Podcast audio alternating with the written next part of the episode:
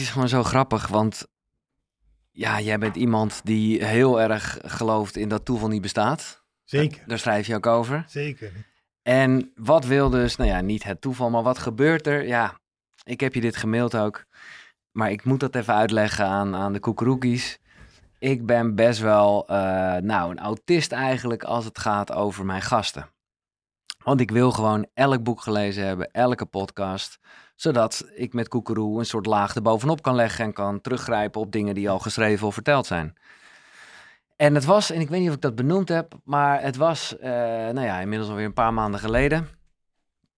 En toen had ik een gast, eh, wiens boeken ik niet allemaal had kunnen lezen. Maar hij was even in het land, eh, Jan Bommeré. Ken ik ook. En ik, eh, nou ja, ik, ik was daar super zenuwachtig voor, want ineens had ik niet elk boek gelezen en oh, pfoe. Maar goed, ja, achteraf gezien kan je, je, kan je, ja, weet je wel dat het op zich gewoon een heel goed gesprek was. Tuurlijk, je Ja. hoeft echt niet alles gelezen te hebben, maar dat was toch echt wel een soort aanname. En ik weet dat ik daar heel blij voor was de volgende dag, omdat ik ineens dacht, oh wauw, natuurlijk kan dat wel. Dus nu kunnen veel meer mensen van dat lijstje dat ik letterlijk wel op mijn computer heb staan met alle namen, die, eh, waar jullie ook graag mee komen, blijft dat altijd mailen, giel.koekeroe.nl. En toen dacht ik aan een van de namen die, eh, nou ja, daar echt letterlijk, dat is niet nu om te slijmen, maar van het begin af aan opstond, is ook niet zo gek. Want het is, eh, ja, in, in de spirituele wereld eh, is er denk ik niemand in Nederland die zoveel boeken heeft geschreven. En jij, we hebben nooit contact gehad. Nee. En jij stuurt me die dag een mailtje. Ja, Waarbij je ook, nou ja, Ja. nou ja, eh, eigenlijk jezelf uitnodigt. Dat klinkt een beetje gênant, maar nee, ik vond het eigenlijk heel tof. En ik dacht alleen maar, wow. Dus dat heb ik je ook teruggemaild van, nou, dit is ongelooflijk. Want vanaf vandaag kan, mag ik je uitnodigen van mezelf. Ja. En dan mail jij. Maar dat, eh, dat, dat klopt ook. Ik heb je drie jaar de tijd gegeven om al mijn boeken te lezen. Ja, Ik, Ja. dacht, nou ja, na, de- na, na, na drie jaar moet het wel een beetje lukken. Ja. Dus ik dacht, nou, eh, laat ik je een keer mailen en eh, laten we eens een keer om eh, tafel gaan. ja. Weet je, er is tof. veel, eh, veel te melden, dus, eh dus Veel te nou, melden. helemaal leuk. Hans-Peter Roel voor de duidelijkheid, maar dat zag je al staan. Ehm, en, en, en ik heb ze niet allemaal gelezen, maar dat hoeft dus ook niet, want jij hebt echt eh 30 boeken, toch? Ja, 30, 30 boeken geschreven. 30 boeken, 30 jaar ook al bezig met Ja, deze materie. Of eigenlijk juist niet met de materie, namelijk Ja. met de energie. Ja, Eh, en Key, nou dat vind ik wel grappig. Dat is zelfs voordat ik überhaupt bezig was met zelfontwikkeling of, Ja. of laat staan of dat soort dingen, was dat al een boek. Daar had iedereen het over. ja, dat klopt. En dat is. eh, en, en even voor mijn idee. Kijk, het is. De mensen die jou niet kennen, het is echt smullen. Ik ben normaal gesproken helemaal niet zo van fictie. Eh, maar bij jou is het ook zo half fictie, half waarheid. En, en er, zi- er zitten altijd elementen in. En het gaat natuurlijk vooral om de les. Dus je kan met verhalen Ja. gewoon eh, dingen vertellen. Maar Key is toch ook wel echt een beetje jouw eigen verhaal? Ja, kies mijn eh, eigen verhaal. Ik eh, ben namelijk een eh, dyslectisch iemand. En mensen die dyslexie hebben, die houden niet van lezen, maar zeker ook niet van schrijven. Ehm, en ik kwam terug uit dat klooster in Nepal. Ik ging erheen in een staat van burn-out, zwart gat, weet je wel. Dat ik Werkte echt- bij de bank, corporate werkte bij de business. bank, allemaal, allemaal toestanden. Ik kwam, kwam daar eigenlijk ja, in het klooster, leerde de kier, leerde op een heel andere manier met mijn levensenergie omgaan. Maar even nog, eh, dat vind ik gewoon even leuk om te, want ik denk dat veel mensen Key wel kennen. Eh, wat, wat wijkt af van de, van de werkelijkheid? Want het verhaal is dat Peter, dat ben jij dan dus, eh, ging met zijn vrouw op reis en, en raakte daar eigenlijk een beetje zo van, hé, hey, misschien ga ik hier blijven. Nee, eigenlijk, kijk, het, het echte oer-kieboek Ja. heet, de, heet de Reis van je leven. Ja, de reis van je leven, ja. ja. En dat is zeg maar eh, meer dan 30 jaar oud. ja. Was een veel dunner boekje Ja. ook. Daar heb ik uiteindelijk Kie, eh, Kie van gemaakt. Ja, precies. En via een gids ben ik eigenlijk in een boeddhistisch klooster terechtgekomen. Leerde daar op een hele andere manier met energie omgaan. Eh, en ja, mij haalde het eigenlijk binnen een paar weken uit mijn hele burn-out. Sterker nog, ik heb me nog nooit zo lekker gevoeld. Nog nooit zo sterk. Maar je, gaat wel je, ging wel je baan opzeggen. Eh, zeker. ja, lekker man. Ja. En eh, toen kwam ik terug op Schiphol. Toen heb ik wat aantekeningen gemaakt. En eh, via via eh, kwam een uitgever te horen van nou, wat ik had meegemaakt Ja. in klooster. En toen is er, hij heette trouwens Willem-Jan van de Wetering van de, Ah. Andromeda. Ja, Dus die belde hem op een dinsdagavond op. Hij is overigens twee, twee jaar terug is hij overleden. Maar hij belt me op. Hij zegt Hans-Peter, ik heb wat van je gehoord. Kunnen we daar nu een boek van maken? Maar ja, ik boek maken, weet je wel. Ik, eh, weet je, het was, was, was niet mijn sterkste punt. Weet je, ik kan goed rekenen, maar uh, taal was toch even wat minder. Maar hij zegt, ik uh, help je wel. En daar is eigenlijk de reis van je leven uitgekomen. 30 jaar oud. En daar heb ik uiteindelijk key van gemaakt. Ja, precies. En uh, ja, van het een komt het ander. Hè. Op een gegeven moment gingen mensen key lezen. En zeiden ja, ik wil ook wel een workshop key. Want ik kan mijn keypunt niet vinden. Of ik heb twee keypunten. Of ja, het lukt allemaal niet. Ja, dus ja, ik ben er zeg maar twaalf jaar terug ben ik met, uh, met workshops ben, ben gestart. Fijn. En ook het punt was... Weet je, toen ik eenmaal zag wat key bij mensen deed... en ook echt terughoorde van mensen die, ja, ja, die ook echt vanuit de burn-out met key terugkwamen. Of die echt een spirituele groei hadden gemaakt. Toen dacht ik, ja, heel, heel misschien moet ik iets meer mee. Ja. En toen ben ik op een gegeven moment naar Parijs gegaan. Dan heb ik twee weken in de Sacré-Cœur gezeten. Uh, mocht niet met de computer, moest met zo'n blauwe harde kaft. Ja. En daar heb ik zeg maar de vierde die, dimensie. kwam ah. gewoon binnen. kwam gewoon allemaal binnen. Ah, we gaan het zeker daarover dus, ja, hebben. Dus, en Key ook, maar ik wil ja. nog even één dingetje. En dan hou ik op over wat waar is en niet. Maar ik ben gewoon nieuwsgierig of jij daarna, na, na alles wat je gedaan hebt en nog steeds doet, is er nog contact met die gids? Nee, die uh, gids is overleden. Okay. Het, het klooster is tijdens de uh, aardbeving van een aantal jaar terug, is eigenlijk het klooster ver, ver, verwoest. Die, en die monniken zijn zeg maar andere kloosters. Waar het Ja, meeste ja. nog te- terug te vinden is, is het Kopang-klooster. Ehm, ik heb een boek geschreven als vervolg op Key, dat heet eh, Hi- Himalaya. Ja, Van een van de deelnemers, die had zo'n Key workshop en die is naar dat klooster gegaan. En die, nou, dat, dat, dat, dat verhaal heb ik daarin ja, ja oké. Ja. Ja, Kie, eh, toevallig, of ja, eh, een paar weken geleden eh, is er ook een podcast verschenen en het ging heel erg over leven op prana. Ja. Wat, ik weet niet, het is allemaal een beetje definitieding, maar is Ki en prana, is dat hetzelfde? Ja, is ongeveer allemaal hetzelfde. Ja. Weet je, in China noemen ze Chi, en Ja. de Tibetanen en Nepalezen en Japanners noemen het Ki.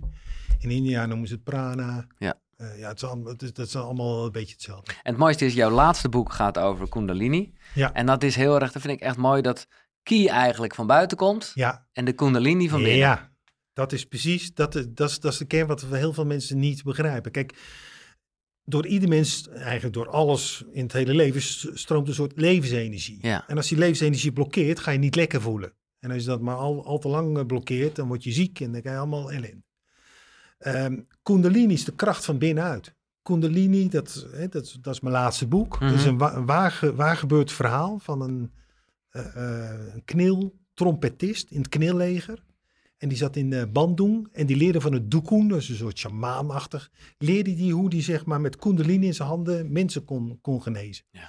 En hij is dat gaan praktiseren. En op een gegeven moment zag hij elke middag zaten er allemaal mensen op zijn pad, want die wilden met hem genezen worden. In 43 kwam hij in een uh, jappenkamp. En de Duitsers konden er wat van, maar de Jappen konden er helemaal wat van.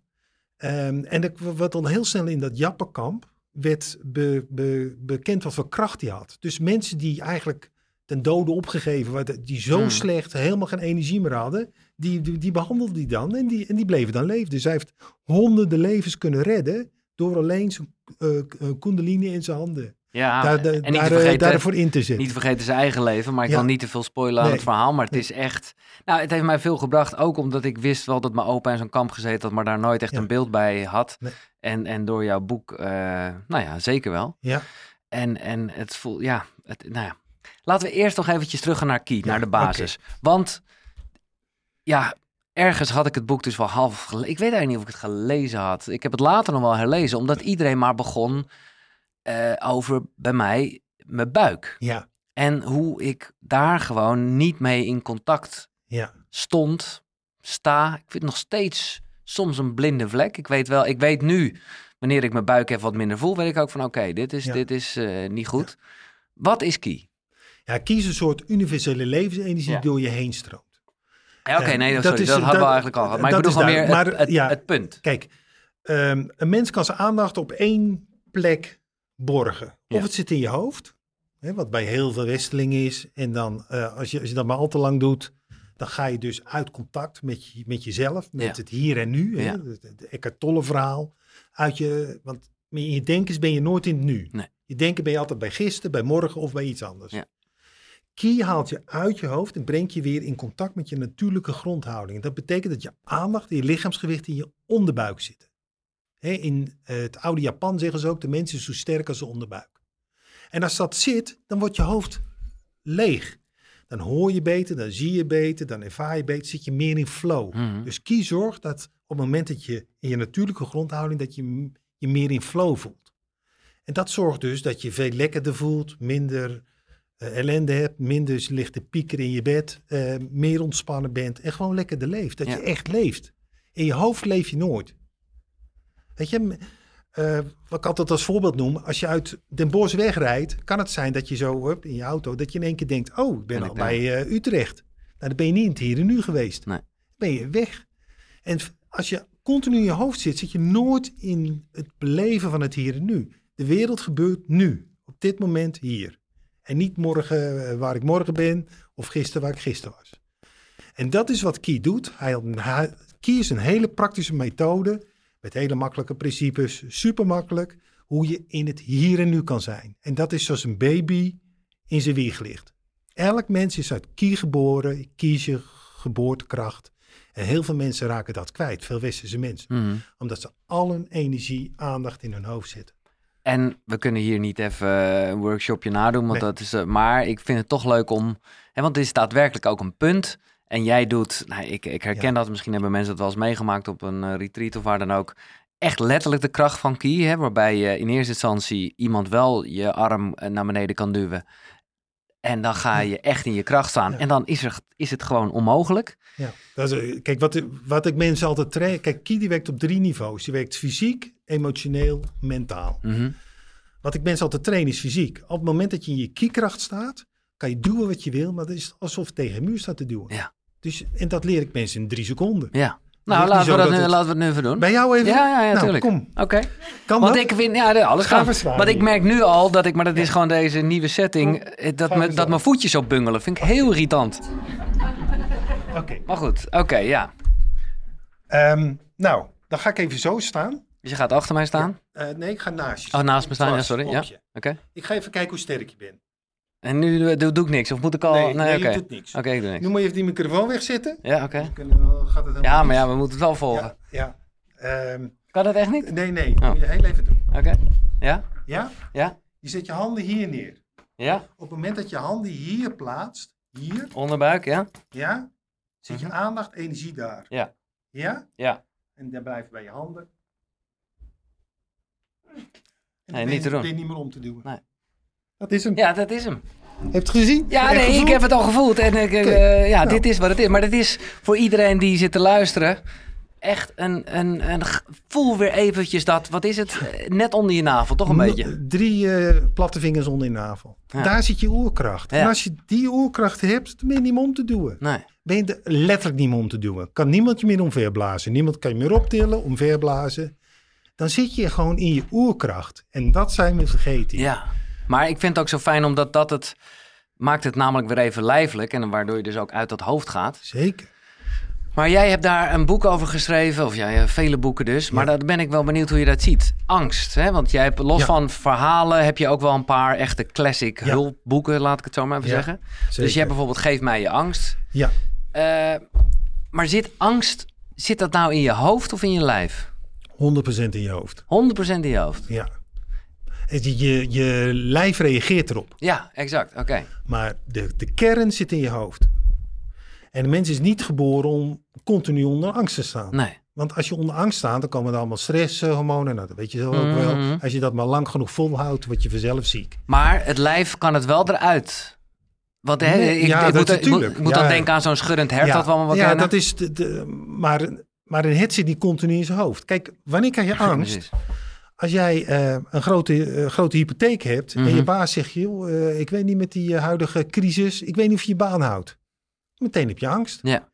En dan denk je, ja, wie, wie gaat straks mijn hypo- hypotheek betalen? En als je dat maar lang genoeg doet, dan kan je fysieke klachten. En, maar het zit in je hoofd. Want als je baas over drie maanden zegt, nou, valt toch even mee, Giel, je houdt je baan. Ja. ja, dan, Ja, dan, dan is je angst weg. Ja. Dus mensen die bouwen heel veel angst in hun hoofd op. En Kie zorgt dat je uit je hoofd in je, in je kracht komt. Dus dan ben je angst kwijt. Maar kijk, ik vind soms, laat ik heel eerlijk zijn, Hans Peter. Ik vind je fictieverhalen beter. Of althans, nee, ik heb ook wel genoten van deze boeken. Alleen staat daar soms gewoon dan in dat ik denk, ja, lekker makkelijk. Vergeet het verleden. Ja, Ja, dat snap ik. Ja. ik maar dat kan dus niet. ja. weet je, ehm, laat ik het zo zeggen. ehm, er, staan misschien wel honderdduizend dingen in. Ja, nee, ja. Eh, en een aantal dingen zul je aanspreken, andere niet. Nee, je spreekt me allemaal aan. Alleen soms dan denk ik, ja, Maar de, maar de kern van geef me angst is, op het moment dat je in kie bent, ga je uit je hoofd en laat je angst los. Ja. Dat is de kern ja. van geef me Maar angst. ben jij de hele dag ja, in je omdat het zo onderbuik? makkelijk is. Ja, Als je het één keer, hè, dat leer ik mensen, hoe kijk je het dagelijkse leven?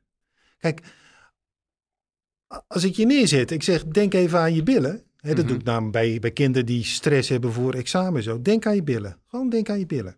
Zit je al in kie? Dat is Ja. een van de key-principes. Ja. Als ik je dan op je stoel probeer te duwen, sta je in je kracht. Ik leer het mensen zo. Het zijn hele makkelijke principes. Iedereen denkt dat het allemaal moeilijk is, maar nee, nee, nee. soms schaam ik me voor dat ik, eh, dat ik zo'n cursus geef. Omdat het gewoon makkelijk is.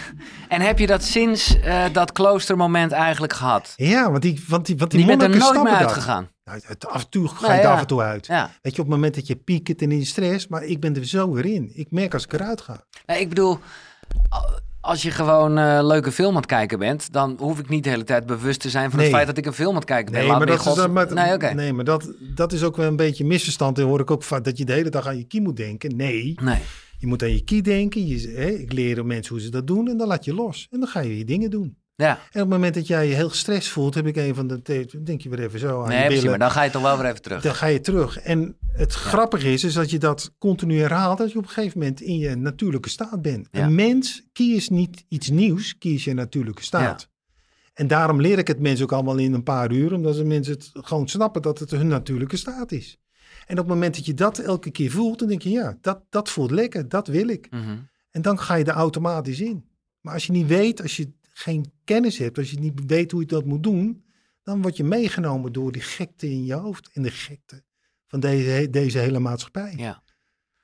Ja, we hebben even kort eh, voorgesproken en jij had het net al, vind ik leuk dat je weer die hypotheek noemt, omdat jij zelf daar echt wars van bent en gewoon, ja, wat mij altijd geleerd is, het domste wat je kan doen, namelijk huren.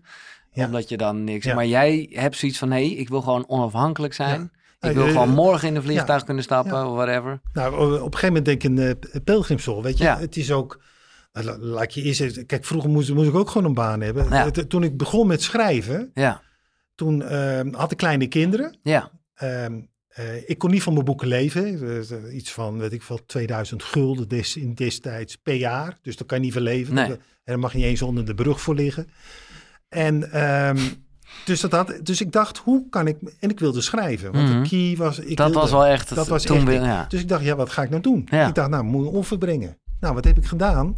Ik, ben, ik werkte in Amsterdam. Ik woonde in Baren. Ik ben elke ochtend ben ik om half vijf opgestaan.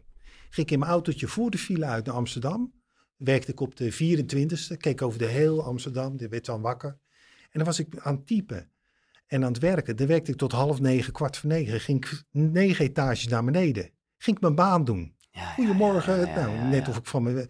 En dan had ik s'avonds nog tijd voor mijn kinderen. Net als eh, elke vader. Het was echt een soort extra twilight tijd waarin je even de schrijver was, eh, waarin je missie leefde. kijk, het, en toen leerde ik ook. Het, de vroege ochtenduren krijg je het meest binnen als je nou over de vier dimensie hebt. Want dan is het stil in de wereld. Dat zijn de enige momenten dat het stil is. Zonder ochtend helemaal. Als je tussen rond een uur of vijf is het echt stil in de wereld. Dan hoor je veel. Dat brengt me gelijk bij eh, de vraag die ik altijd stel: de ochtendroutine. Je ochtendritueel eigenlijk. Hoe ziet het nu, hoe ziet het nu eruit in het leven van jou? Eh ligt eraan of ik echt met een boek bezig ben of niet. Als ik echt met een boek bezig ben, hè, echt in die creatiefase, dan eh, ben ik tussen vijf, half zes op. Ja. Eh, Zonder wekker, dat gebeurt? Dat, ja, soms met wekken, Ja, maar, maar vaak ook zonder. Ehm, ik zorg altijd dat ik even een koude douche heb. Weet je wel, dat, dat is mijn standaard. Ja. Ehm, nou, dan, dan, dan, dan ga ik zitten. Is het stil in de wereld. En dan ga ik schrijven. En dan, ja, eh, op een gegeven moment ga ik dan wat eten. Ja. Dat, dat, is, dat is een beetje mijn ochtendritueel. Als ik niet schrijf, kan ik ook wel ietsje langer blijven liggen. Ja. Eh, praktisch altijd mediteer ik. ja. Eh, En wat voor een, ja, bedoel, hoe, hoe, ja, hoe ga je zitten dan, zeg maar? Wat, wat, wat, want ik merk dat daar, Nou ja, daar verschillen nogal de meningen over. Of mensen juist heel erg juist gaan nadenken. Sommigen met hun ogen open, anderen veel meer een soort mindfulness met een muziekje aan. Ik heb het zeg maar eh, eh, eh, van, van de monniken geleerd. De kern van de monniken zeggen ze altijd, je moet je geest een taak geven. Ja, Je moet niet je geest stilzetten, Nee. want dan wordt het niks. nee. Dus je kunt twee dingen doen. Of je gaat je ademhaling heel, heel bewust volgen. Nou, dat is ook een hele, hele ja, bekende. ja. Dan, hè, en dan elke keer vertragen en, en, en vertragen. Totdat je drie, vier ademhalingen per, minuut hebt. En als je dat helemaal volgt, dan ben je helemaal weg. Eh, de tweede die ik doe, dat, dit, dat, dat noem ik de eh, twee minuten meditatie, de key-meditatie. Dat is dat je je keypunt masseert. Mhm. Dan zit je gelijk in je lijf. En als je in je lijf zit, zit je niet in je hoofd. Nee, en dat is wat je met mediteren wil. En dan ben je dus ook wel iets aan het doen, wat wel ja, gewoon... dan ben ik gewoon Ja, dit ja. en dan doe ik dit. En dan, boom, zak je meteen erin. En dan ben je na één, twee minuten, ben je, is net of je twintig minuten mediteert. En Met de- je en- vinger dus weer Ja. onder je navel. De vinger onder je navel. Ja. En je moet echt het contactvlak vinger met je, eh, ja, met je Ja, voelen. vingertje zelf gewoon. Ja, dat komt tot ongeveer op die. Ja. Ja. Ja, en de, de derde die ik heb, dat is eh, k- eh, een klankmeditatie. Die, die ik ook altijd eh, gaaf vind. Dat doe ik echt met, eh, met, met, met de monniken mee. Dat is Mhm. een beetje ook eh, uit die tijd. En dan word je overrompeld door de, door de, ja, door eigenlijk, door de dus, eigenlijk, eigenlijk on- ontvang je dan die eenheid, weet je. Dan ga, op een gegeven moment ga je met die klank mee. En dan gaat die klank door je lijf. En dan, eh, nou, dan zit je erin. En dat schrijven, dat is, eh, nou ja, dat is ook mensen die wel eens een boek van jou hebben gelezen. Dit, dit, jij krijgt die film zeg maar door. Ik, ja, ik zie een soort film altijd. Ja. Ja, en ik ben er ook werkelijk, hè. Want ik, ik weet nog, ik, ik schreef het boek Op zoek naar de hemel, schreef ik, ja, zeg maar, eh, bij, bij de bank op de 24e, Ja, ja, ochtends. En dan weet ik nog, het, het, het boek heel kort, hè, het gaat over een meisje van zes die de, haar vader verliest. Ja. En die vader zegt tegen het meisje, lieve meid, ik wacht op je in de hemel. Dus dan, dan zie je me weer. Dus dat meisje vanaf de zesde wil naar de hemel. Dus die komt op de eh, twintigste eh, iemand van de yoga tegen. Die zegt, nou ik ben in een ashram geweest in India. De hemel gevonden. Die denkt, daar moet ik heen. Dus die gaat naar eh, India. Nou, die vindt heel veel. Allemaal ellende ook. Maar uiteindelijk niet de hemel. Dan gaat ze weer terug. Ze denkt, ja, als ik het oosten niet kan vinden, misschien in het westen. Dus die gaat Santiago Compostela lopen. Die denkt, nou, dan, dan komt het. Nou, die vindt, vindt het natuurlijk ook niet. Nee. Wel, wel de nieuwe vriendje. Ehm, en dan vindt ze op een koning, Koninginnedag heet het destijds nog. eh, vindt ze een klein zwart dagboekje van een vrouw uit Auschwitz. En er staat in potlood eigenlijk de laatste drie maanden van die vrouw. Ze heet Sarah Polak. En ehm, die houdt gewoon dat dagboek bij, ja, wat er in Auschwitz is gebeurd. Ik heb dat dagboek opgestuurd naar het Nederlands Documentatiecentrum voor de Holocaust.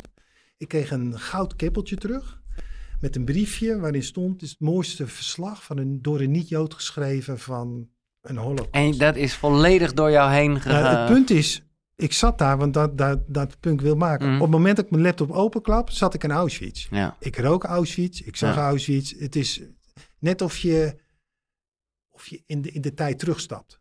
Maar ik zag het gewoon. Ik rook het, ik, het was bizar. En dan ging het, na drie uur ging ik naar beneden. Eh, dan kwam ik een beetje bij en dan ging ik werken. Ben je, is er nooit iemand die jou benaderd heeft om er juist echt, echt een film van te maken? Van een van jouw eh vele... Ik, heb, het- ik, heb het, eh, ik ben ooit een keer mm, benaderd door iemand die had de vier dimensie gelezen. Ja. Dat was een Nederlander. Ja. Hij zegt, dit boek moet verfilmd worden. Ik ga jou helpen. Dus toen ben ik ook met iemand eh, die in, in, in Holly- Hollywood, maar Ja. dus uiteindelijk kwam eh, corona, is er verder niks Ah, van gekomen. Nou ja. Maar ik denk dat het, ja, ik denk dat het hele filmische boeken zijn. Maar ja, dat denk ik ook, ja. Dat, denk ik ook. Maar, dit, maar ik heb nog nooit iemand langs Oh gehad. ja, dat is maar juist, ik zou wel heel graag willen. Ja, toch? Ik moest even nadenken, de vierde dimensie. Dat is Ja. ook alweer een fantastisch verhaal. Ja. En eh, ook wel een beetje op jouw lijf geschreven van een beursmakelaar... die Ja, ja. alles eh, Ja. moet verkopen. Ja. En, eh, ja, die een kleine, kleine misstap in zijn eh, Goh, maakt. Ja. ja. Is dat, hoe, hoe zit het? Want jij bent dus vader. Van Mick en Merel. En ik ben daar nu overmatig in geïnteresseerd, omdat ik dat ook ga worden als. eh, nou ja, dat, Ja. dat is eh, hoe, wat heeft, eh, hoe heeft dat jou veranderd? Het vaderschap. Ja. Ja, wel nog gevoeliger, nog zachter gemaakt. Eigenlijk heeft het ja, ik vind eigenlijk heeft het nog meer mening gegeven aan je leven. Nog meer Mhm. waarde aan je leven. Maar toen ze geboren waren, was jij nog gewoon de snelle jongen, toch? Of niet? Ehm, nee, toen oh, was ik aan het schrijven. Ja, ja, ja, oké. Ja, was ik aan het schrijven. Oh, vet. Ja, zeker. Maar heb je dan juist ook niet, ja, dit is, zijn allemaal gewoon hele persoonlijke vragen, maar omdat je juist zo goed weet hoe het zou moeten, dat je daar zo bewust van bent en dan toch fouten maakt? Dat ik fouten maak. Ja. Ja, ja, ik maak net, net zoveel fouten als iedereen Ja. natuurlijk. Dus dat, dat, dat maakt allemaal niet Ja, uit. oké, maar ik bedoel te zeggen, omdat jij juist heel erg bezig bent met een materie waarbij, nou ja, je mensen leert hoe ze het beste hun leven kunnen leiden, laat ik het zo maar even zeggen. Nou, tuurlijk pak ik ook dingen uit mijn eigen boek op. Ja. Maar ik ben ook gewoon, eh, weet je, ik maak net zoveel fouten als eh, Jan en Alleman hoor. Ik heb ook jeugdtrauma's, ik heb ook allemaal. Nee, precies. Dus dat, dat, maakt, dat maakt niet veel uit. En- Alleen ik, eh, weet je, ik, ik, ik kijk wel als er drie keer iets op mijn pad komt, dan denk ik, hé, hey, dat is geen, eh, geen toeval. Nee, nee, Ehm, als ik echt gestrest ben, bam, ga ik meteen in key. Ja, Weet je, dus ik pas het wel toe. ja. Maar eh, ja, weet je, ik ben geen supermens. Zeker niet. En, en, en, en waar is het misgegaan tussen jou en de moeder van je kinderen? Het dat is wel een hele eh, persoonlijke vraag. Maar Ja. ja, na, na, na een jaar of 23 op, op, op een gegeven moment houden dingen ook op. Dat laat ik het zo zeggen. Hmm. Dus ja, het is, eh, het is droevig, maar tijd, tijd, tijd doet ook iets met mensen, met ontwikkeling en dat soort zaken. Maar we gaan uh, supergoed goed met elkaar om. Ja, ja, we doen nog de, samen de workshops. We hebben natuurlijk samen de kinderen. We, hebben samen de zaak. Dus, Oh, echt? dus ja, Oh, oké. ja, ja, we gaan wel goed met elkaar om. Nou kom je net weer van een pelgrimstocht. Ja, Want dat doe jij... doe je- Italië. Ja, ik, ik doe eigenlijk elk jaar, ga ik, eind augustus ga ik rugzakje op, Ja, eh, zonnetje erop ja. en dan lopen. En hoe en was dan, deze? En dan denk ik weer, ja, meestal denk ik, denk ik aan mijn, eh, aan mijn volgende boek. Dus, dus er komt weer een boek aan in mei, die Ja. ik eh, net, net weer allemaal zit. ja, dat komt dan binnen allemaal. Ja. Dus dat is wel echt mooi. En hoe was het? Het was zwaar. Ja? Ja, ja ik liep dit keer over de Appenijnen. Met 12 kilo op mijn nek. Was wel echt, echt tof zwaar. Dus eh, dat, je, dat je denkt, god, ik zit op die berg. Nou, ik ben boven. En dan moet je weer naar beneden. Nou, dat is nog zwaarder, kan ik je vertellen. Ja. Dan krijg je continu die klappen. En dan ben je beneden en dan moet je weer omhoog. Dus, en, en dat de hele dag lang, dat was toch wel pittig. In En, 30 en, en, en wat eh, mag ik alvast een soort sneak preview? Wat kwam, waar, waar, waar gaat het over? Ehm, het, het, het thema zal eh, manifesteren zijn. En het speelt zich af in eh, Oost-Duitsland tijdens de val van de muur. Hmm, En het gaat over het gevecht tussen haat en liefde. Dus mooi. het wordt wel echt een mooi boek. Ja. Ik had er zelf tranen van in mijn ogen. Ja? Ja, Want dat komt, ja, dat is, dat is eh, mooi. Nee, want jij, ja, jij, jij deelt ook wel gewoon op social media. Dus ik weet nog dat we jou benaderden. Toen dacht ik, oh nee, eh, dat kan het eigenlijk wel. Want toen was net je vader overleden, kan Ja, ik me klopt, herinneren. ja. Dus ik kon me voorstellen, maar dit zijn allemaal aannames vanuit mezelf, dat je dan juist tijdens zo'n tocht dat allemaal heel erg. Ja, tu- tuurlijk is mijn vader meegegaan. Ja, is langsgekomen. ja. Dat is tuurlijk. Dat is. ehm, en maar de kern wat ik doe, dat is toch dat ik, dat ik, dat ik met zo'n boek bezig ben. Ja, Eh, weet je, ik heb op een hele mooie manier afscheid kunnen nemen. Dat heeft me toch wel, eh, ja, qua ver, verwerking veel, veel gegeven. Weet je, ik was de laatste nacht was ik bij hem ja, als enige, ja. weet je al. En eh, ja, dat, dat- ja, dat heb ik nog wat ik wilde zeggen. Ja, mooi is dat. En ja. eh, ja, hij had zijn ogen niet open, maar hij hoorde het wel. Dat, Ja. dat weet ik zeker. En s ochtends probeerde hij nog even zijn ogen open te doen en wilde hij wat zeggen. Ik weet zeker dat hij, dat hij zei van, ik, eh, ik hou van jullie. ja. En ja, smiddags is hij weggegaan. Ah, mooi. Ja. Dat is echt. maar dat je, dat je echt zo'n intiem laatste nacht met je vader hebt, dat is toch echt, Ja, dat is heel echt het cadeau van eh, 2023 voor mij. En dat maakt ook dat het dan later veel makkelijker op zijn plaats valt. ja, heb ik precies zo ervaren. Ja. Ja, en Ja. Dat, dat, dat, zeg je heel Ja. mooi inderdaad. Ja.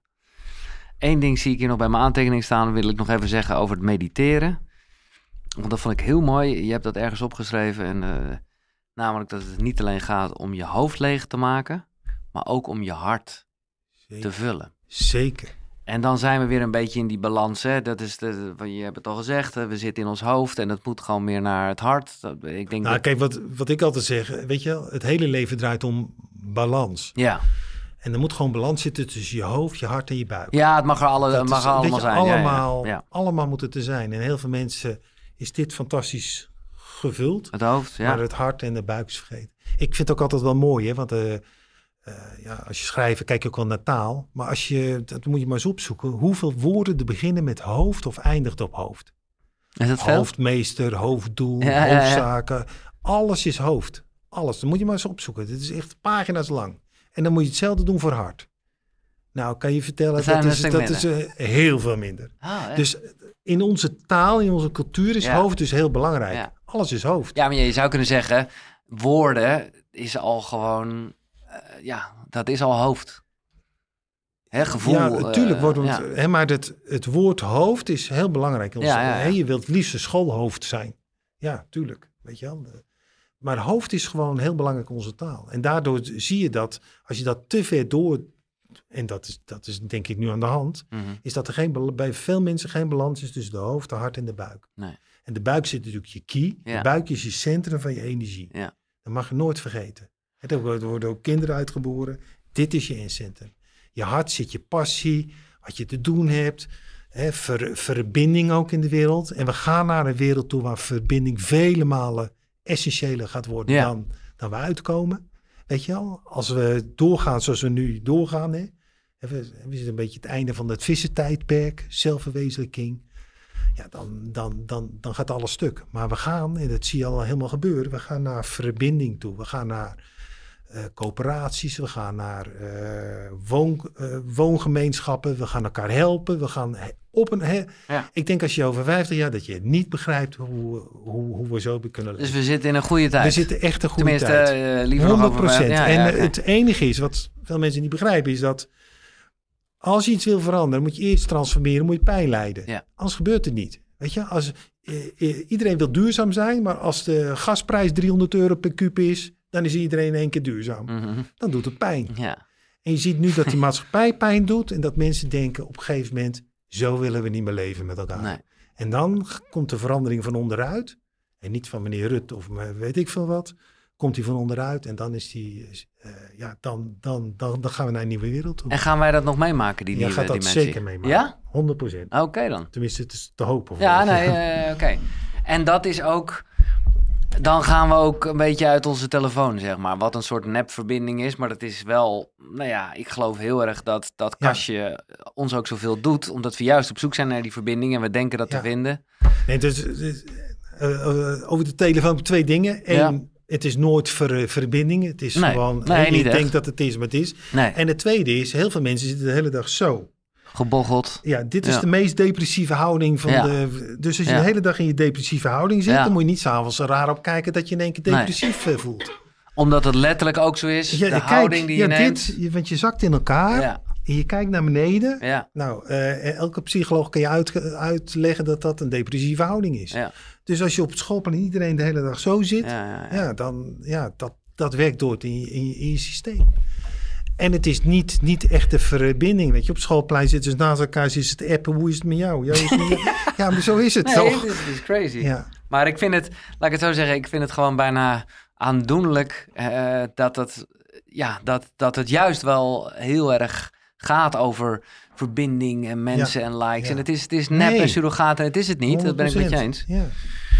Oké, laten we dan even meer naar de Kundalini gaan. Want nogmaals, dat heeft eh, nauw contact met, met, met de key. Wat is Kundalini? Kundalini is eigenlijk je energiebron die je eh, binnen je hebt. Ja, Het, die zit ook ehm, het, het zit een beetje bij je heiligbeen. En dat is zeg maar de energiebron. Als je die losmaakt, dan, dan gaat die energie van binnen uitstromen. ja, Dat is kun- kundalini. Als je dat met je handoplegging toepast, ja, dan heb je heel, heel, heel veel kracht in je handen. En dat is wat die Ja- Jan de Bruin. Het is ook wel bijzonder hoe ik aan die man kwam. Hè? Want, eh, ik schrijf veel in Rolduc.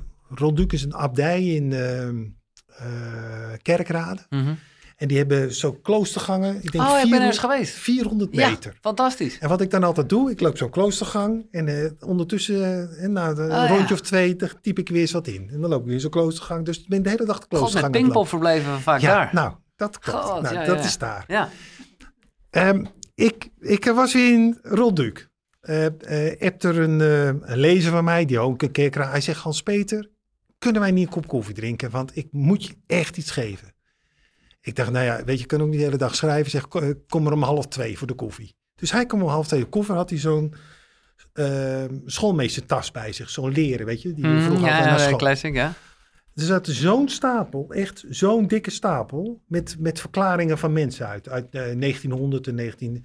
Van allemaal mensen die waren genezen van artrose, eh, epilepsie, Ja. eh, reuma, weet ik veel. En ook mensen uit het leger en zo. Ja, Dat bleek dus te- van zijn opa te zijn. En zijn opa is de hoofdpersoon in mijn boek Ja. Genezende handen eh, Kundalini. ja.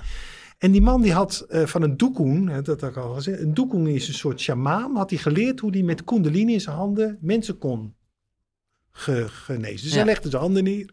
En die mensen die dachten, nou, goh, dat is in één keer eh, over. Ehm, en eh, dat, dat verhaal, dat gaf hij me. En toen dacht ik, hé, hey, daar moet ik een verhaal over Ja. maken. En toen ben ik, ben ik dat boek gaan Ja, schrijven. het is fantastisch. En ook, ik moet zeggen, wat ik een leuk cadeautje vond, wat ik dan nu al verklap, maar eh, is dat op het einde jij ook wat van die brieven en zo gepubliceerd Ja, hebt. Dus dan wordt er ineens, zie ook foto's Ja. van die gast en dan wordt het ineens, poeh, je hebt daar net een heel verhaal over gelezen. Ja. En is het nou zo dat hij een bepaalde kracht had of hebben we die allemaal? Die hebben we allemaal. Ja, Dat is nou het interessante. Weet je, ik doe, te- te- tegenwoordig doe ik eh, Kundalini-workshops, dus Mhm. dan kan ik het ook zien. ja, Eh, mijn eerste workshop kwam iemand met, eh met een hernia naar binnen. Dat, dat heb ik nog op, op filmpje staan.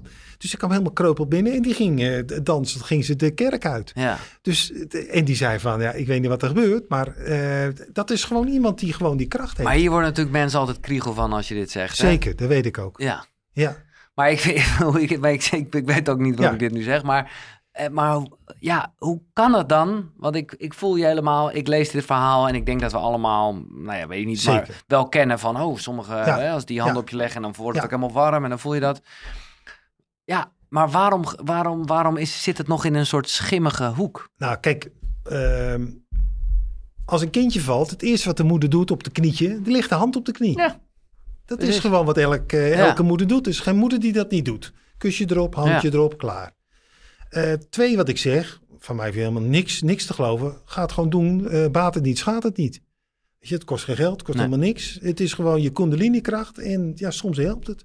En bij, bij heel veel mensen helpt het wel. Mhm. En drie is, als je absoluut denkt dat het niet, dat het niet werkt, werkt het ook niet. Nee, Weet je, je geest, is, je, je geest en je onderbewustzijn zijn de meest makkelijke, machtige wapens die die mens heeft. ja. Dus als jij onder, onderbewust zegt, ja, dat is een grote waanzin. Prima, nou, dat, eh, doe, doe er Nee. zeker niks mee, want dan werkt het niet.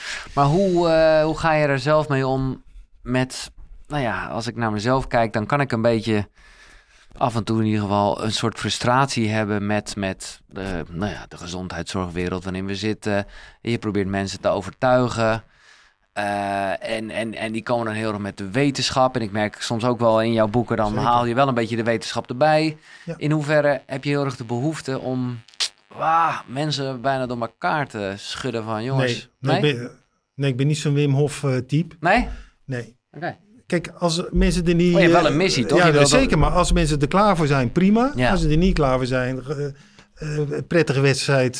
weet je, en ik zeg ook niet dat wetenschap niet slecht is. Nee, Dat nee. Ik zeg alleen, waarom zou je niet en-en doen? Dat is Ja. het enige wat ik zeg. Ja. Ik zeg, bij mij zou je nooit horen, nee, je moet niet naar de dokter gaan, je moet kun- kundalini hand opleggen en doen. Zeg ik helemaal niet. Nee. Zeg, ga lekker naar die dokter, maar doe het er even bij. Ja, maakt het, Ja, ja, ja, precies. baat het niet, schaadt het niet. Nee. Nee, dat is En, misschien ook en wel... sommige mensen helpt het gewoon. Ja. Dan moet je het gewoon doen. Ja. En nou, dat, hè, maar dat, dat zag ik wel bij de Jan de Bruin. Die hele dikke stapel. Waar er gewoon officieren, Amerikaanse leger. Nou, nuchtere kan je ze niet nee, hebben. exact. Maar die, Het ging allemaal naar hem toe. maar, Ja. maar die gingen erheen. Zaten daar op het tuinnetje te wachten. Ja, ja, het is een fantastisch verhaal.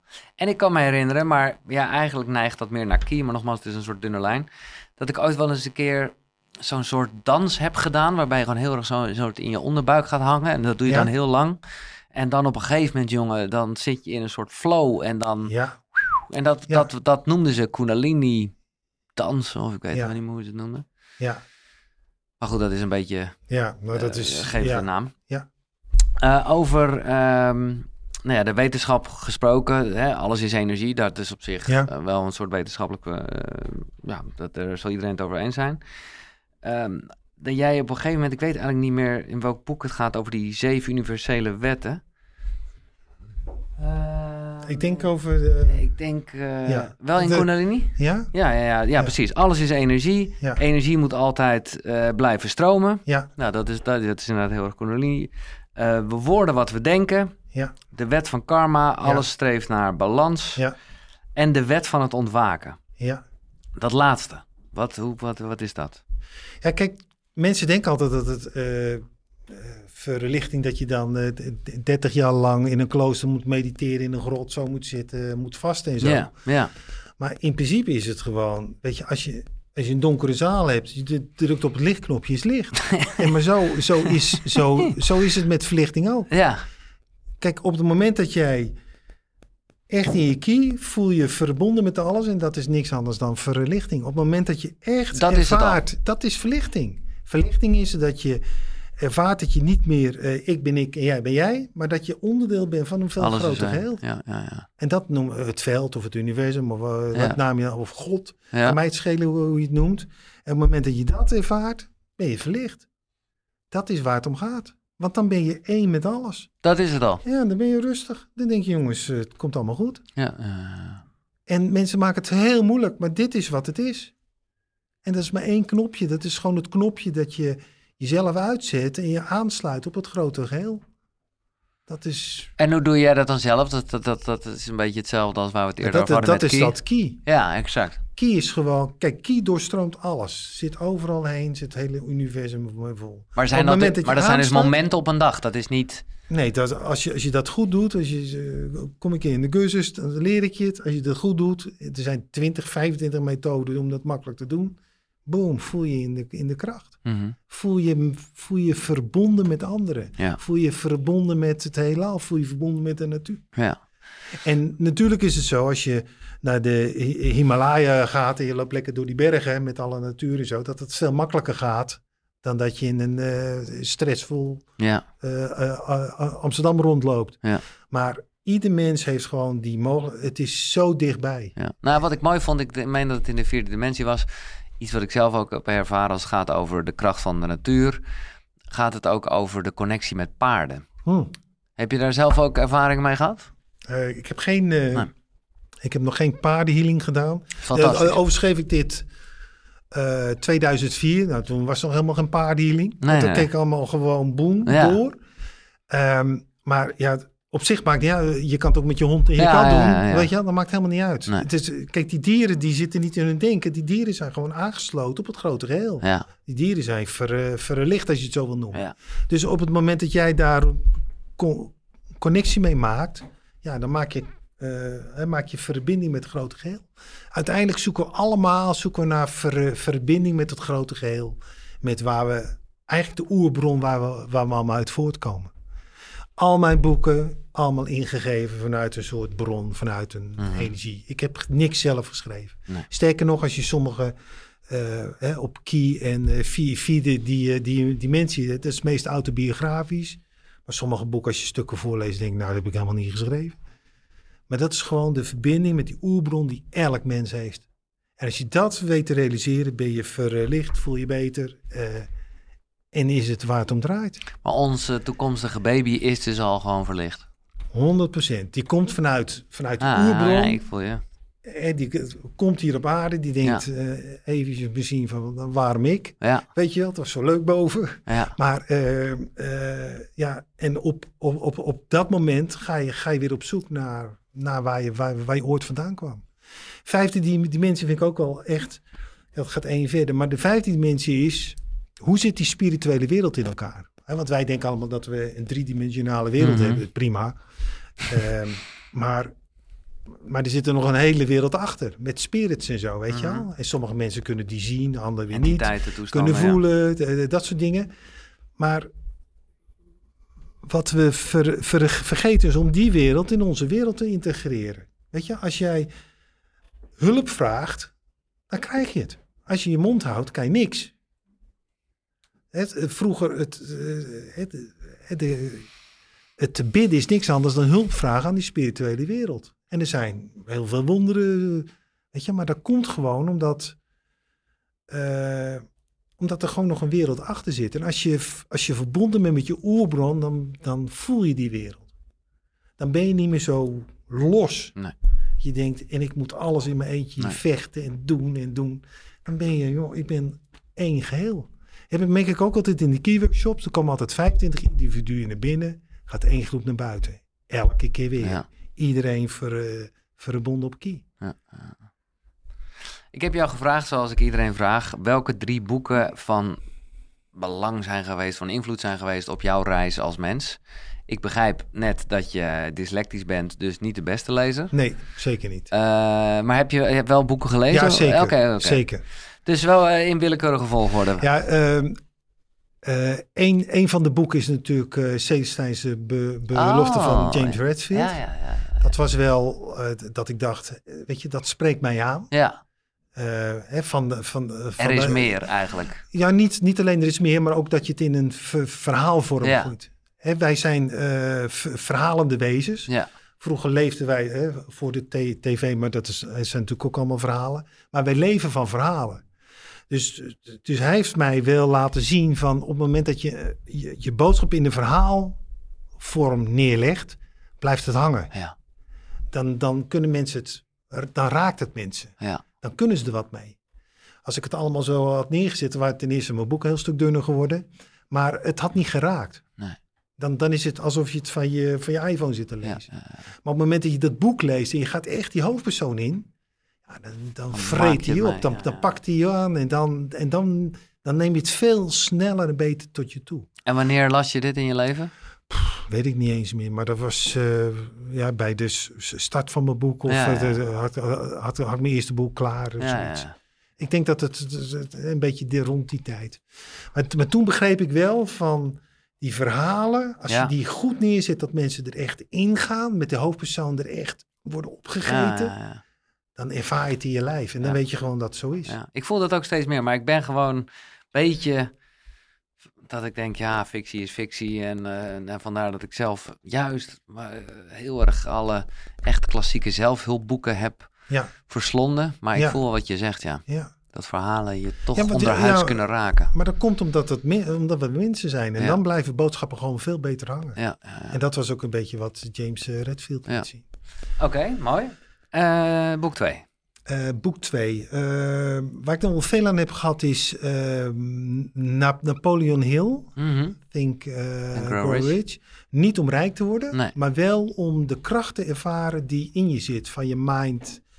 Wat, eh, wat hij laat zien. De rijkdom. Ja, Ja, het- ja, ja. nee, niet de rijkdom. Hij Nee, maar ja. eh, maar hij, hij, hij laat ook het zesde zintuig zien. Hij Ja. laat zien hoe sterk ons geest De is. kracht van het Ja, universum. Eigen het kracht van het universum. Dat heeft mij geraakt. Niet om rijk te worden. Nee, maar, nee, nee. nee, maar ik bedoel ook ja, rijk maar- in de brede ja, zin van het woord. ja, maar maar voor, voor, vooral hoe je met je geest en je mind en je, ja, hoe, je, hoe, je, hoe je zaken kan eh, neerzetten. Eh, en dat sprak mij wel heel, heel Ja. erg aan. Dus Ah, dat ik vind het echt mooi dat je het zegt, omdat eh, zo heb ik hem ook ervaren. Maar je merkt, en daar is niks mis mee, maar dat heel veel mensen hem toch wel gebruiken als, ja, wel echt met dat rijk hè, Ja. mindset. En eh, nou ja, eh, voor je het weet ben je aan het dropship en heel veel geld verdienen, want dat is eh, Ja, wat je gelukkig zou maken. Maar voor mij is het ook een Ja. ontzettend spiritueel boek Ja. eigenlijk. ongelooflijk spiritueel boek. Ja, Ja, ik, ik, ik vind het een van mijn meest spirituele boeken die ik ooit heb gelezen. Omdat het echt over die... En ik vind zelf ook wel Ek- Eckhart Tolle, de Ja. eh, kracht van nu. Oh, sorry, ik onderbreek eventjes eh, dit fijne gesprek. Maar dat is vanwege iets dat met boeken te maken heeft. En ja, ik hou van boeken. Ik hou van verhalen. Van lezen, maar ook van luisteren. Vooral als je onderweg bent of gewoon, pff, nou ja, weet ik veel wat aan het doen bent. En ik heb nu iets stof met de vrienden van Next Story. Daar vind je echt op die site, jongen, 300.000 boeken. Dus ook zeker de boeken die net besproken zijn. En ik mag je nu, en dat is echt wel een toffe actie, 50 dagen gratis aanbieden. Ja, die gasten die geloven gewoon wel eh, in zichzelf. Dus die denken, oké, dan hebben we ze. Maar dat kan je echt even checken. Eh, ga naar koekeroe.nl slash boekenkast. Daar vind je sowieso alle boeken die besproken zijn eh, nou ja, in de afgelopen afleveringen. En daar vind je dus ook een link. En via die link kan je 50 dagen gratis Nextory gebruiken. Check het. koekeroe.nl slash boekenkast. Omdat dat eigenlijk ook zo key is. Ja. Weet je wel? En ja, hoe hij zijn reis heeft meegemaakt. En ik denk ook dat het daarom gaat, weet je. Ehm, ik zelf ook wel, maar veel mensen zie ik ook, ja, ik noem het allemaal een beetje slaapdronken door het leven gaan. Mhm. Op het moment dat je niet echt leeft, dat je het, dat je in zo'n soort waas zit, Ja, dan ben je er wel, maar je leeft niet. nee. Ik vind dat Eckhart Tolle wel eh, tools geeft ook van hoe je eruit komt en hoe je echt kan leven. Want we zijn hier op deze wereld om te leven, om Ja. te ervaren, door te, te voelen. Ja, En dan kan je ziel groeien en dan kun je verder. Maar als je in zo'n soort eh, bulp zit, ja, dan ben je er wel, maar je leeft niet. nee. En dat, dat, dat, dat is wat ik uit dat boek wil halen. En hoe, in hoeverre, ik kan daar zelf nog wel eens een soort error mee hebben, omdat ik hier zit en ik die podcast heb en eh, bla bla bla. Dus, en dan raak ik een beetje in de war van, ja, is dat dan allemaal ego? In de vierde dimensie, en waarvan je net zegt dat het een behoorlijk autobiografisch in ieder geval, Ja. alles zit natuurlijk een beetje ook van jou in. Zeker. Daar wordt dan op een gegeven moment, in ieder geval de hoofdpersoon, wel een beetje de profeet genoemd en zo. En dat, ja, eh, en jij staat daar in, in, in, in, in, in een kerk allemaal keyworkshops te geven. Ja. Hoe ga je daarmee om in een Eckhart Tolle-achtige sfeer met dat dat eigenlijk allemaal ego is? Nou, ik weet niet of het ego is als je keyworkshops geeft. Weet nou ja, je, dat, het dat, is zo- wat mensen die, die Ja. komen daar en die denken, oh, Hans-Peter Roel. Hmm. Red Nou, mij. zo, zo, Nee, ja, nee, nee, maar daarom zo, eh, zo zit ik er niet in hoor, Nee. kan ik je vertellen. Nee. Weet je, weet je, ik heb niet, ik ben niet heel veel naar eh paragnost en media, ge- maar ooit was ik, het, ja, ik moest toch ook geld verdienen. Mhm. Eh, ben ik een keer naar zo'n crowdhammer cursus geweest, daar werd ik heen gestuurd door mijn baas. Eh, dat was zo'n Amerikaanse training, hoe moet ik verkopen, zeg Oh, maar. oké, ja, ja. Dat was in jaren, weet ik, van jaren Ja. 80 of zoiets, was dat heel populair. En die eh, trainer, het was een tweedaagse, die, die zei op de eerste avond tegen mij, Hans-Peter, ik heb iemand ontmoet, dan moet je heen. Een spirituele man, astroloog. Ik denk, als jij dat zegt, ga ik erheen. Oké. Anders had ik het niet gedaan. Nee. Dus ik ben naar die man gegaan en die heeft een horoscoop gedaan en zo. En die, eh, dan draai je zo zijn ogen weg en, dan zei, en hij zei, Hans-Peter, één ding. Jij bent hier op de wereld gekomen om hè, met eh, best een bagage aan kennis, hè, niet uit dit leven, maar uit vorige levens en dat soort, eh, dat, dat zei hij. Hè. Jouw belangrijkste taak in dit leven is om al die kennis, boem, uit te spreiden. Ja. En iedereen moet maar pakken wat hij ervan pakt. Dus ik ben niet iemand die denkt, Nee. jongen, weet je wel, mensen moeten, mensen moeten eraan toe zijn, mensen moeten het Ja. zelf pakken. Ik, ik, ik, ik, ik weet nog wel, eh, toen ik mijn eerste keybook had geschreven, de, de eerste maand maak ik een beetje fouten. Toen werk ik nog bij de bank, ging ik iedereen een keybook aanbieden. Nou, is, nou ze begonnen hard, te- hard te lachen daar natuurlijk. eh, ja, Ja, maar goed. en daarom ben ik, er- ik ben er 100% mee opgehouden. Ja. Als iemand er niet aan toe is of iemand wil het, het interesseert me niet. We- Maar ik vind het wel mooi dat je het zegt. En het is eigenlijk een soort rode draad in al jouw verhalen.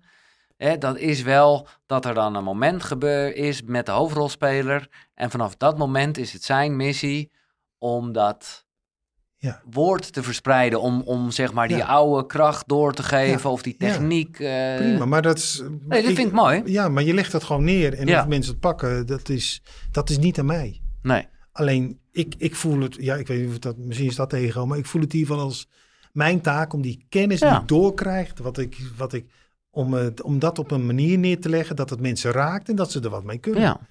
Dat, dat, is, dat, is, dat is wat ik, wat ik in Nee, maar het is ook... eh, sorry, misschien eh, voelt het nu een beetje als een aanval. Nee hoor, het is een- zeker geen Het aanval. was meer een soort vraag, Ja. omdat ik daar zelf... En dan, nou ja, la- laat ik de vraag algemeen stellen. Hoe, hoe, zie jij de rol van ego? Ja, ik denk dat eh, elk mens een ego heeft en elk mens een ego nodig heeft. Alleen je moet zorgen dat er ook daar weer balans is tussen je ziel en je ego. Ja. Weet je, mensen die alleen maar vanuit een ego werken, dat, dat is, dan, dan gaat het niet goed. Ook daar, daar moet balans zijn. Nee. Kijk, ik denk ook, en daar raak je wel echt een kern, ehm, misdaden of echt erge dingen doen, komen altijd uit je hoofd. Mhm. Komt nooit uit je hart. Nee. Dus daarom zeg ik ook, balans hoofd, hart, buik. Dan zal, dan zal de wereld er al een heel stuk beter uitzien. Omdat niemand vanuit zijn gevoel, vanuit zijn hart, een andere kwaad wil aandoen. Nee. Dat is allemaal iets raars in je hoofd. Dat je denkt, ik wil een of andere trauma of weet je, hij is gek. Of, weet je al? Allemaal gedachten. Ja. Dus, ehm, en dat, dat, dat heeft ook met ego te maken. Weet je, als je echt goed kijkt, hè, dat, eh, eh, ik heb boeken eindeloos geschreven, gaat over dit thema. Oké. Dat is wel Eh, een van de boeken die ik niet gelezen heb. Maar, dat, eh, maar dat ga- gaat over dit thema. Ja. Het heeft ook alles met Mozart te maken en Oké. dirigent. Maar ehm, een van de zaken die ik daar... Kijk, jij bent niet Giel Belen. Nee. Want als ik jou een andere naam geef, ben je nog steeds, eh, zit je hier. Ja. Hè, je bent ook niet eh, eh, een radiomaker. Nee. Want als ik jou een andere job geef, Ja. ben je, dus je bent Ja. niet de rol, je Nee. bent niet je Nee. naam, je bent niet de rol, je bent... Je, en je bent, je bent degene, en dat zeg ik altijd, je bent degene die achter je ogen kijkt. Dat ben jij. Mooi.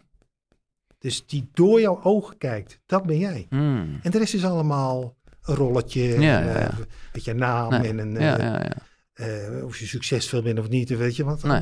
Maar je bent, dus, en dat noem ik dan hè, je grote zelf of je ziel of wat het is, die Ah. achter je ogen, door je ogen heen kijkt. Als je dat ziet, dan is ego weg. Nee, dat is het ook mooi. En ik bedoel, dit is letterlijk, eh, nou ja, waar voor mij in ieder geval dit jaar in de teken van stond. Om Ja. even, wie ben ik zonder dat Ja. eh, mannetje van de radio. Maar tegelijkertijd, ja, eh, omarm ik het nu weer met heel veel liefde. Omdat ik even een afstand heb kunnen nemen. En ja, het mogen duidelijk zijn. Ik vind wat, wat, wat die paragnos tegen jou zei. Ja, ik ben blij dat je het uitvoert. Ja. Want dat vind ik wel degelijk. Of je nou inderdaad de schrijver Hans-Peter Roel bent of hoe je... Dat maakt niet uit.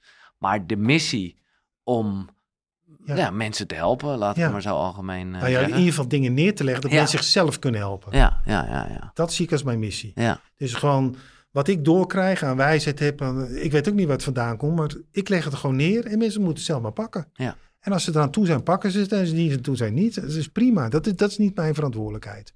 Mijn verantwoordelijkheid, hij was heel duidelijk. Hij zegt, jouw taak is alles neerleggen. En er mag niks tussen komen. Dus van, vandaar dat ik ook naar Santiago, toen ik eindelijk kon, ja, op het moment dat ik, eh, weet je, dat ik, dat ik niet meteen onder de brug hoefde te gaan liggen. Op het moment dat ik eindelijk kon, ben ik fulltime boekers gereden. ja, Workshops gaan geven ja. en reizen. En is dat eigenlijk... Dus eh, daar zit ook, nou ja, vooral de ambitie om dat verder voor te, eh, Ja, vol te houden. ik, of, of, of is er nog een soort andere stip aan de horizon met iets? Nee, nee ik, ik heb denk ik 25 boekideeën nog liggen. Dus Ja. ik ga gewoon eh, boeken maken. Ik ga workshops geven. Ik ga gewoon kijken wat komt er op mijn pad. Gewoon alles wat ik aan kennis en mis heb neerleggen. Ja. En mensen moeten zelf maar pakken wat ze eruit willen hebben. Ja. Dat is, dat is zo, zo ik mijn leven wil invullen. En dat is precies wat die paragnos tegen me zei. En wat ik toen voelde. Je hebt gelijk. Dat is wat ik moet doen. Dus ik leg gewoon, ja, wat ik aan kennis binnenkrijg. Ja. Ja, en de ene keer is dit onderwerp, de andere keer dat onderwerp. En het zou mooi zijn, maar ik snap dat je dat nu niet doet. Maar ik, ik zou heel erg een film zien zitten. Ik zou, ik en- zou, en- ik en zou een op mijn knieën gaan als Ja. het op de film gaat. Ja. Ja, dat zou, dat zou ik het meest fantastisch vinden. Oké. Maar ja, maar ja, je moet En wel welke, welke van eh, je oeuvre zou het beste kunnen Ik denk dat eh, verfilmd? Key zeker. Ja. Vier, vier, vierde die eh, mensen denk ik op nummer één. Ja, hè? Ja, vierde mensen op nummer één. Dus Dat als, als, als, als dit, dit verfilmd wordt, een beetje Wolf of Wall Street-achtig, die dan helemaal elkaar Ja, stort. ja. En dan, dat zou fantastisch zijn. Maar eh, ja, Nou ja, dat is eh, nu eh, weer in het veld Ja. gezet. eh, Ja. In hoeverre dat nog niet was. Dat, is, mooi. Ja. Ehm, en dan, hoe oud ga je worden? 82. 82. Zo, ik, ik, Dat roep ik mijn hele leven al. Oh, maar ik weet ook zelf niet waarom ik die vraag stel. Want ik vond het een gekke vraag, maar je hebt een antwoord. Ja, Oké, en hoe, hoezo... dat weet ik gewoon. Ja, Ja, soms, soms weet je dingen. Dat, dat, is, dat is, ja, dat heb ik gewoon. Ik weet het 100%. ja, maar goed, ik hoop dat je er niet naar gaat leven. Dat als jij 82 bent, dat je ineens eh, hele gekke dingen gaat doen. Nee, ik ga niet hele gekke dingen doen. Maar ik, maar ik, ik, maar dat weet ik gewoon. 82. Ja, dat roep ik mijn hele leven al. Wauw. Ja, de grap is eh, de- dat ik heel lang het omgekeerde riep. Eh, 28 namelijk. En dat vond ik gewoon leuk om te zeggen. En ik heb het wel eens Ja. vaker gezegd. Dan gingen mensen werden er kwaad om. Dan vond ik het nog leuker om te zeggen. En, en ik, het, het- ging nergens over. Het was niet eens 27, wat nog een soort leuke rock'n'roll Ja. club is. Maar Ja. eh, ja, ja, het heeft me veel gebracht. Want ik, vond, ik vind het nog steeds leuk omdat ik dan in mijn bonustijd zit. Ehm, maar, maar ja, ik, ik, ik merk wel dat ik er gelijk op aanga, nu ook nu jij dit zo zegt. Omdat ik wel denk van ja, maar dan maakt het dus allemaal niet uit. Wat, wat maakt niet uit. Nou ja, wat je ook doet, wat je ook eet, wat je ook... eh, ze- eh, want ja, Nou, je- kijk, wat het, maar dat is mijn eigen visie. Hè? Ja. Dat is, mijn visie is, is dat je eh, best dingen kunt sturen in je leven. Hè? Mhm. Dat is, daar komen we in mijn volgende boek wel op terug. Maar je, het moment van geboorte en het moment van overlijden staan vast. Oké, 100% Dus dat is wel een soort non-dualistische kijk op het... eh, 100%. ja, Oké, 100% 100% Dus dat staat vast. En wat ertussen gebeurt, daar heb je wat invloed op. Ja. En het doel van is dat je zeg maar tussen die periode je bent, dat je een beetje rijker uitgaat dan je er kwam. Ja. En de rijker kan je alleen doen door ervaringen. ja dat, daar hebben we het over. Hè? Ja. Dus, het- dus het gaat om ervaringen, het gaat niet om bezit, weet ik. Nee. Het gaat om ervaringen, het gaat om hoe je ziel loutert, het gaat om, weet je wel, Niet om welvaart, maar welzijn. ja, het gaat om Ja. welzijn. Het gaat ook hoe je ontwikkelt, welke documentaires je kijkt, welke boek je leest, hoe je, wat, je- wat je meemaakt. Daar gaat het om. Dat je ziel gewoon rijker eraf gaat dan, dan, dan die komt. Dat is uiteindelijk de kern van ieder mens. En dat kan soms heel leuk zijn, kan ook soms heel vervelend zijn.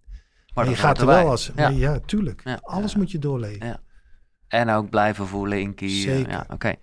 En dan ben je 82. Ja. Eh, en dan? Wat gebeurt er dan? Nou, ik heb het boek De Vijfde Dimensie beschreven wat er dan gebeurt. In mijn beeld, ehm, je gaat door een soort lichtbouw eh, vlies heen. En je ziet je leven ge- geprojecteerd en je, en je zit in een wereld waar je eigenlijk altijd, dat je, waar je eigenlijk altijd naar terug, terug hebt, hebt verlangd. Wat diep ergens in je genen zit dat dan naar binnen weet je wel, de kleuren en hoe je voelt en dat soort dingen. Dat denk ik. Dat is, dat, dat, dat is wat ik denk. Ik denk dat het leven eh, bestaat uit een eeuwig durend en eeuwig levende ziel en een tijdelijk stoffelijk lichaam. Ja. Dat, dat, dat, en ook een tijdelijke geest. Want je geest, je geest en je lichaam stoppen ermee, maar je ziel gaat door. Zo, het, het, was wel toen, op het moment dat mijn vader overleed, zag ik dat ook. Zag je? Ik, ik zag iets blauws weggaan. Hmm. Eh, en ze hebben wel eens onderzoek gedaan. Ik geloof dat als iemand overlijdt, dat er dan 21 gram Ja, eh, precies, eh, ja, ja. dat die minder is. Nee, je Ah, doet ook heel erg denken aan, aan, aan wat. Pim van Lommel zegt. En, Ja. Heb je ooit, vraag ik me nu ineens af, ayahuasca of psychedelica-achtige dingen? Nee. Mm, nee. Nee, nee, daar ben ik niet zo van. Nee. Dus, eh, ik heb het, z- zonder, zonder heb ik het ook Ja, al. Weet nou ja, is- is- ja. Ik krijg gewoon alles binnen. Dus, eh, Maar goed, de, de, de, de, ja, Hans-Peter Roel, die eh, verlaat ons dan, hè? De, de, Ja. de, de vleeszak, of hoe je het ook allemaal oneerbiedig wil zeggen. Ja, weet ik wel, ja, gewoon een omhulsel. Ehm, en dan, en, en kom je dan terug, gaat die energie, hoe, ik bedoel, als je daar een beetje doordenkt, wat gebeurt er? Nou, als ik daarop doordenk. Kijk, ik denk dat elke ziel een aantal keer op de wereld terugkomt. Tot je alles hebt doorleefd en doorgemaakt. En, Mhm. en dat je een soort ver- eh, verlichte staat hebt. Ja. En op het moment dat je de verlichte staat hebt, dat is mijn visie. Hè? Dat, Mhm. dat, ik ben de vijfde die, eh, die mensie, eh, heb ik uit Tibet dat verhaal. Op het moment dat je ziel verlicht is, heb je nog maar één taak. Je blijft in die spirituele wereld, maar je hebt taak om de mensen te helpen die hier zijn. Je mag ze alleen helpen als ze het vragen. Dus op het moment dat je, ja, als je niet verlicht bent, kom je weer terug. Op het moment dat je verlicht bent, Volbracht. vol, volbracht, en dan help je gewoon mensen die hier, op, eh, help je aardse mensen Ja, met, met hun ontwikkeling. En denk je dat je terugkomt? Ik denk wel dat, tenminste wat ik van die man hoorde en wat ik ook wel een beetje voel, is dat ik een oude ziel ben. Eh, dus ik weet misschien gewoon nog één of twee keer terug. Nee, maar eh, En dan, hoe zou je willen dat Hans-Peter Roel, schrijver van meer dan 30 boeken, en tegen die tijd, nou ja, als je in dit tempo doorgaat, dan eh, kan, verdubbel je het wel. Hoe wil je dat je herinnerd wordt? ja. Weet je, niet zo als een held of een, weet je, gewoon als een mens die gewoon eigenlijk het maximaal heeft gehad uit de plezier en ta- talenten die ik heb gekregen. Want als ik eerlijk ben, weet je wel, eh, eh, ik, ja, als, ik, als ik het voel en als ik lees terughoor, dan heb ik een soort talent om moeilijke materie of eh, com- iets Mhm. complexe materie op een makkelijke manier en op een manier dat mensen raakt neer te zetten.